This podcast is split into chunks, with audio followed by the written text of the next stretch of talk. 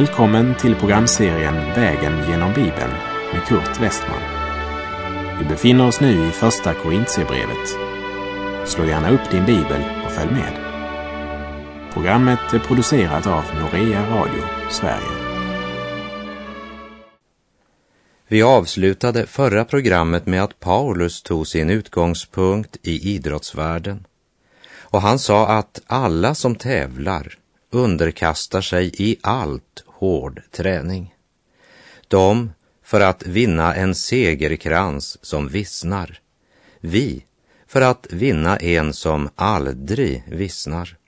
Och så sa Paulus, jag har målet i sikte. Han är fullkomligt fri, men han använder inte friheten till att springa hit och dit eller strunta i träningsreglerna.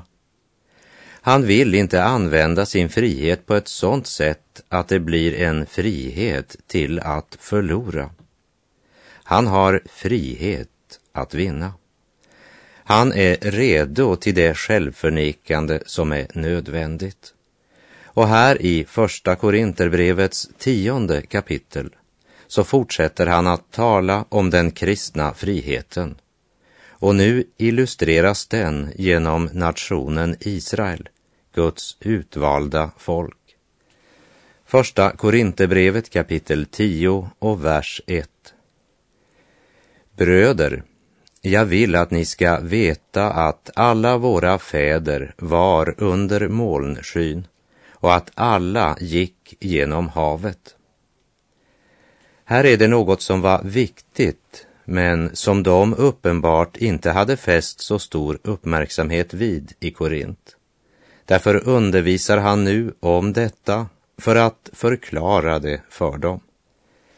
Församlingen i Korint var en blandad skara av hedningar och messiastroende judar.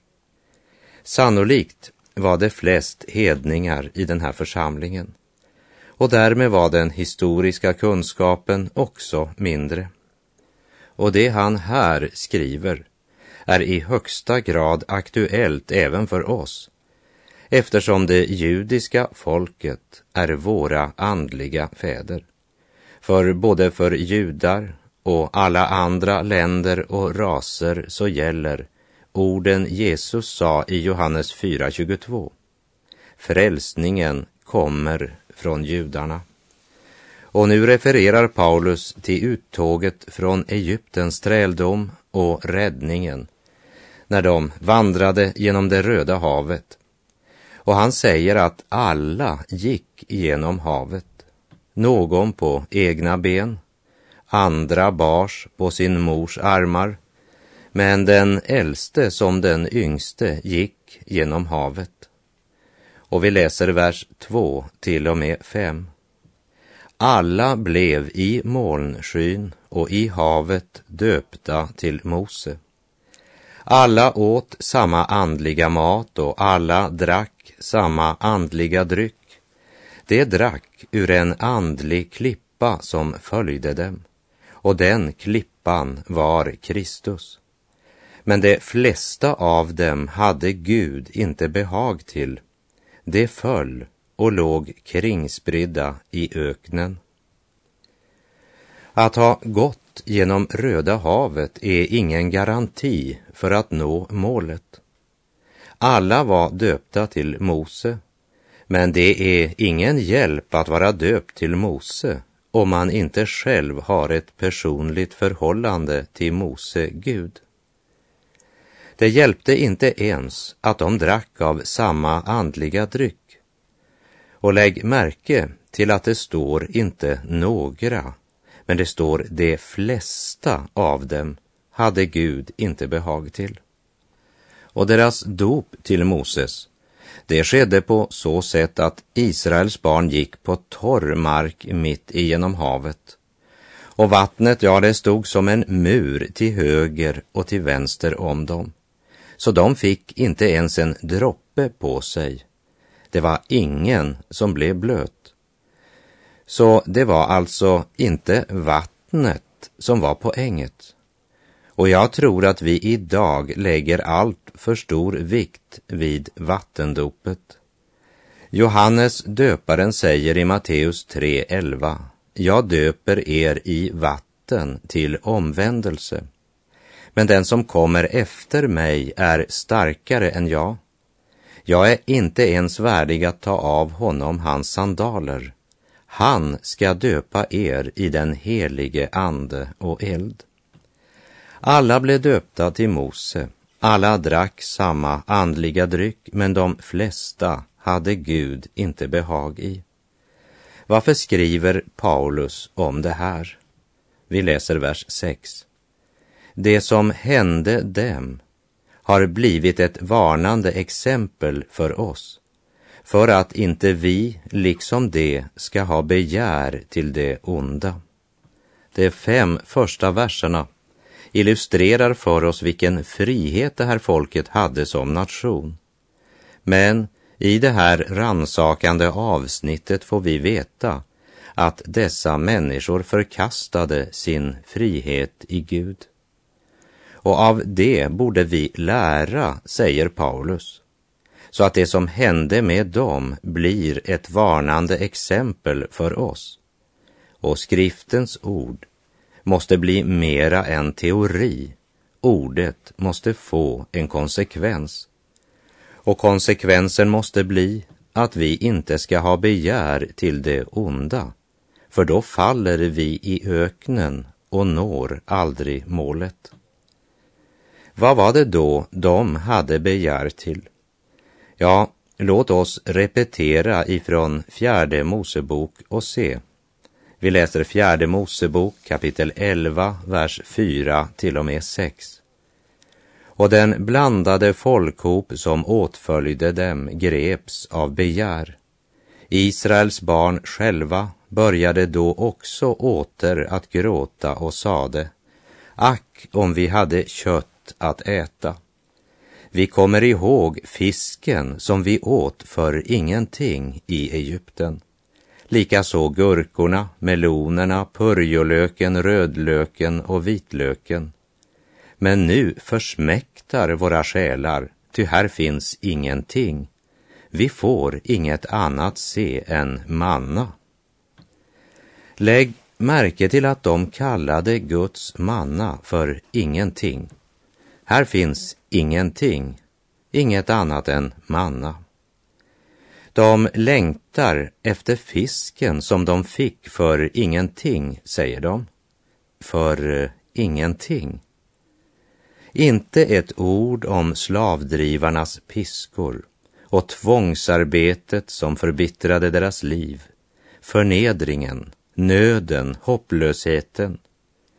Guds ord återger det så här i Andra Mosebok 1, vers 13 och 14. Därför lade egyptierna på Israels barn ytterligare tvångsarbeten och förbittrade deras liv med hårt arbete på murbruk och tegel och med alla slags arbeten på marken, kort sagt, med tvångsarbeten av alla slag som de lät dem utföra. Men när de nu under ökenvandringen ska beskriva den tiden så minns de den som tiden då de fick fisk för ingenting. Och även om det var den blandade folkhopen som började att knota och klaga, så är det viktigt att lägga märke till att fjärde Mosebok 11, vers 4 sa att även Israels barn smittades och var med i klagokören. Vi kommer ihåg fisken vi fick för ingenting. Att även Israels barn drogs med, det säger oss att vi måste vara på vår vakt. Och vem av oss har väl inte någon gång gjort sig skyldig till att förgylla livet utan Gud? Fisk för ingenting. När först de himmelska verkligheterna mister sin dragningskraft på oss och Kristus inte längre är vårt hjärtas stora glädjekälla. När det känns tungt att läsa Guds ord och vår bön blir formell. När man, likt församlingen i Efesus, överger sin första kärlek. ja, då börjar man längta efter Egyptens fisk. Och nu är det församlingen i Korint som Paulus försöker varna genom att peka tillbaka på det som hade hänt så att de kunde lära. Och det är intressant att lägga märke till i fjärde Mosebok 11 att bortsett från fisken så är det inte näringsrik föda de längtar efter. Det är inte mat de längtar efter, men purjolöken, rödlöken och vitlöken, det vill säga sådant som smaksätter. Allt de saknade var egentligen bara kryddor. Ja, den blandade folkhop ropar på purjolök, rödlök och vitlök. För den förlossade skaran på väg till löfteslandet är det viktigt att inte låta sig smittas av den blandade folkhopen. Men komma ihåg att även om jag är född på nytt så har jag fortfarande också den gamla naturen i mig. Och därför att jag bär på två naturer så är det viktigt att i frestelsens stund lära sig skilja på det köttet begär och det som är mitt verkliga behov. I Romarbrevet kapitel 8, vers 6 till 9 står det Köttets sinnelag betyder död, men andens liv och frid. Köttets sinnelag innebär ju fiendskap med Gud. Det underordnar sig inte Guds lag och kan inte heller göra det. Det som är kvar i sin kötsliga natur kan inte behaga Gud. Ni däremot är inte kvar i den, utan lever andligt när nu Guds ande bor i er. Men den som inte har Kristi ande tillhör inte honom. Om vi verkligen vill vandra med Gud genom denna värld så måste den uppståndne levande Kristus få fylla våra behov. Och vårt hjärtas längtan måste vara vänt mot honom. Egyptens lök kan inte mätta den på nyttfödda människan. Skrifternas Jesus kom in i mitt hjärta tog all min oro, förbarmade sig Villigt han bar all min synd och min smärta då han på korsträdet dog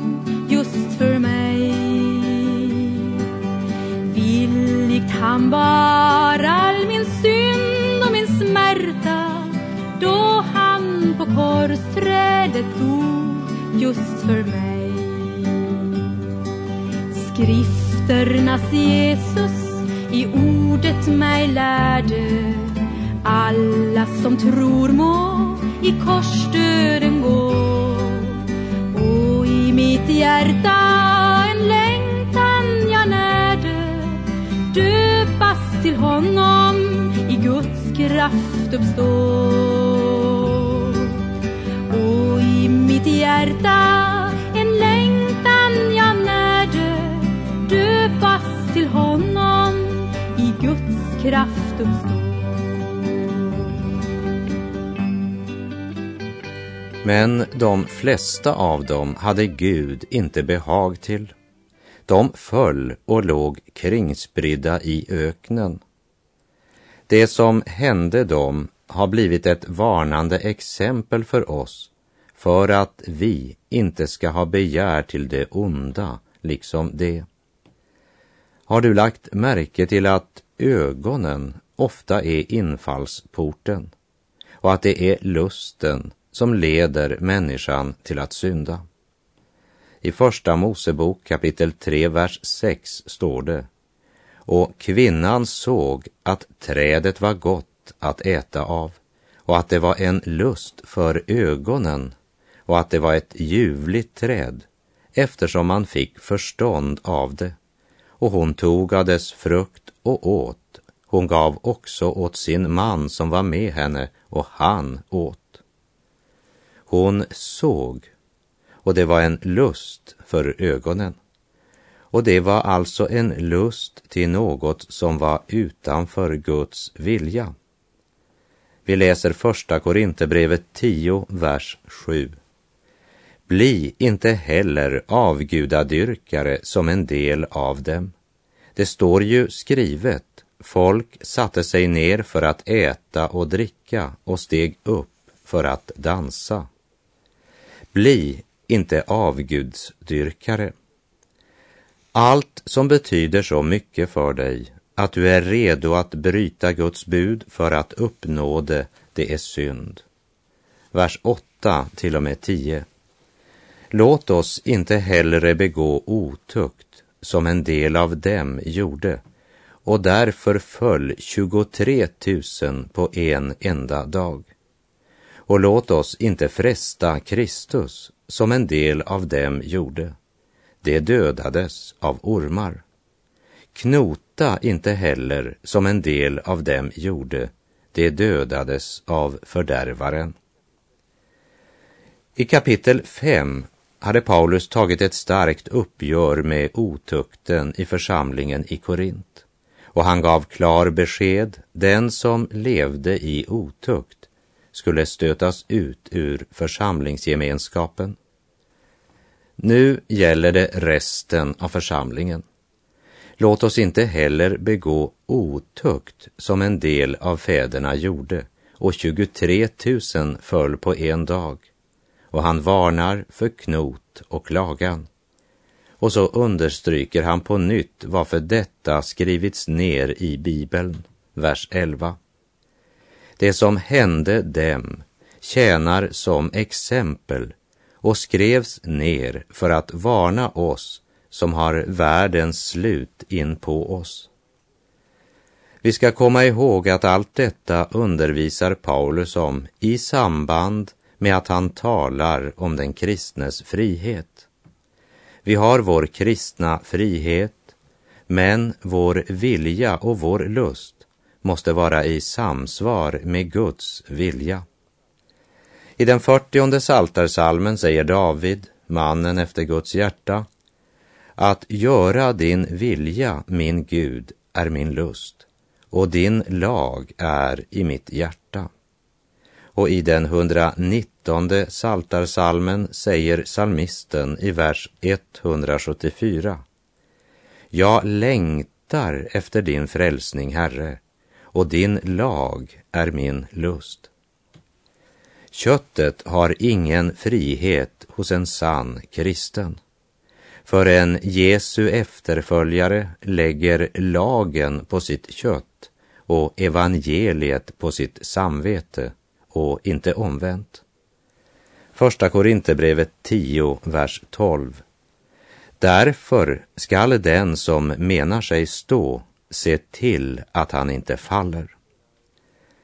Det spelar ingen roll vem du är eller vad du menar om dig själv.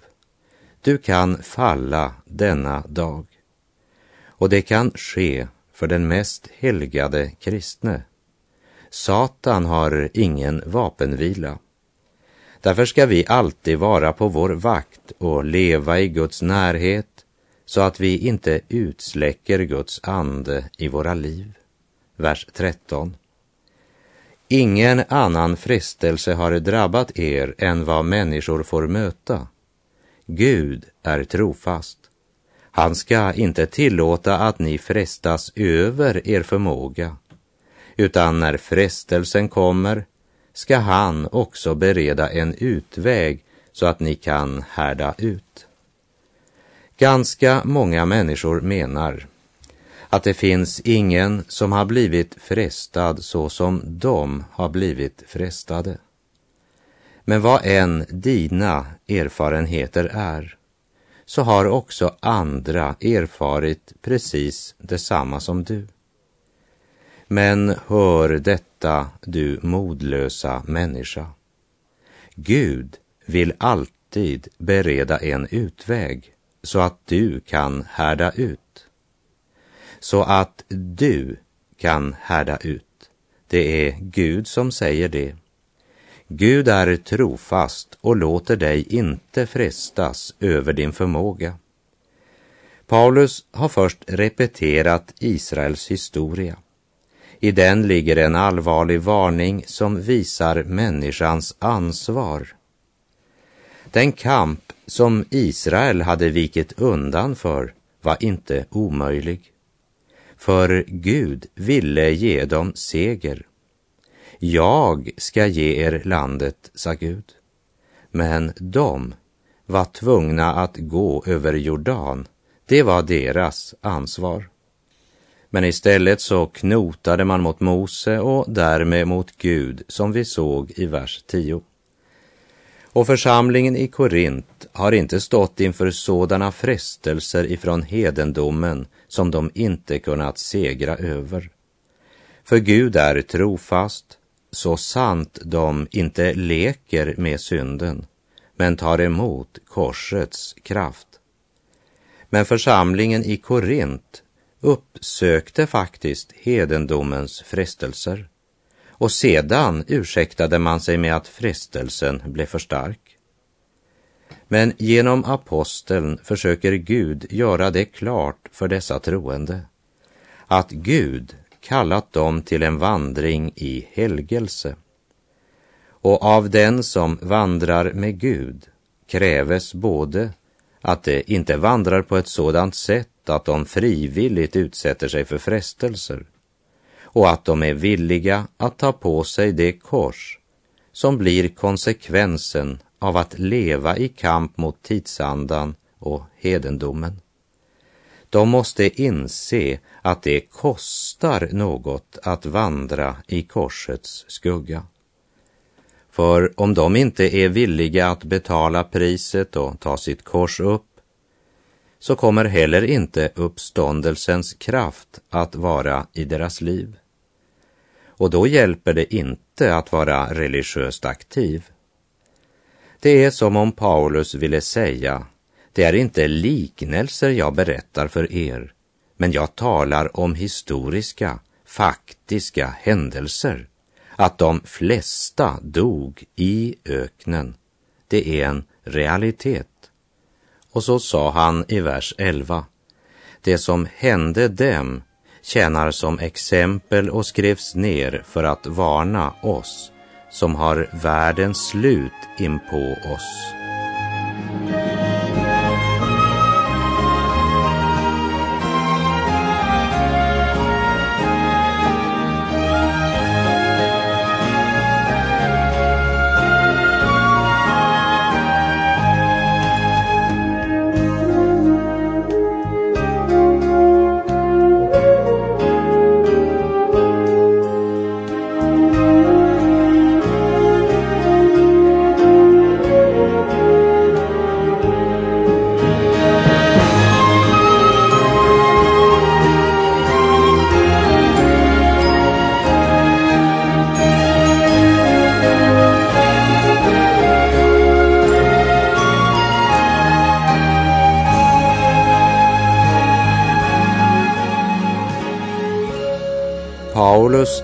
Tvekar inte med att peka på kontrasten mellan den breda vägen och den smala vägen.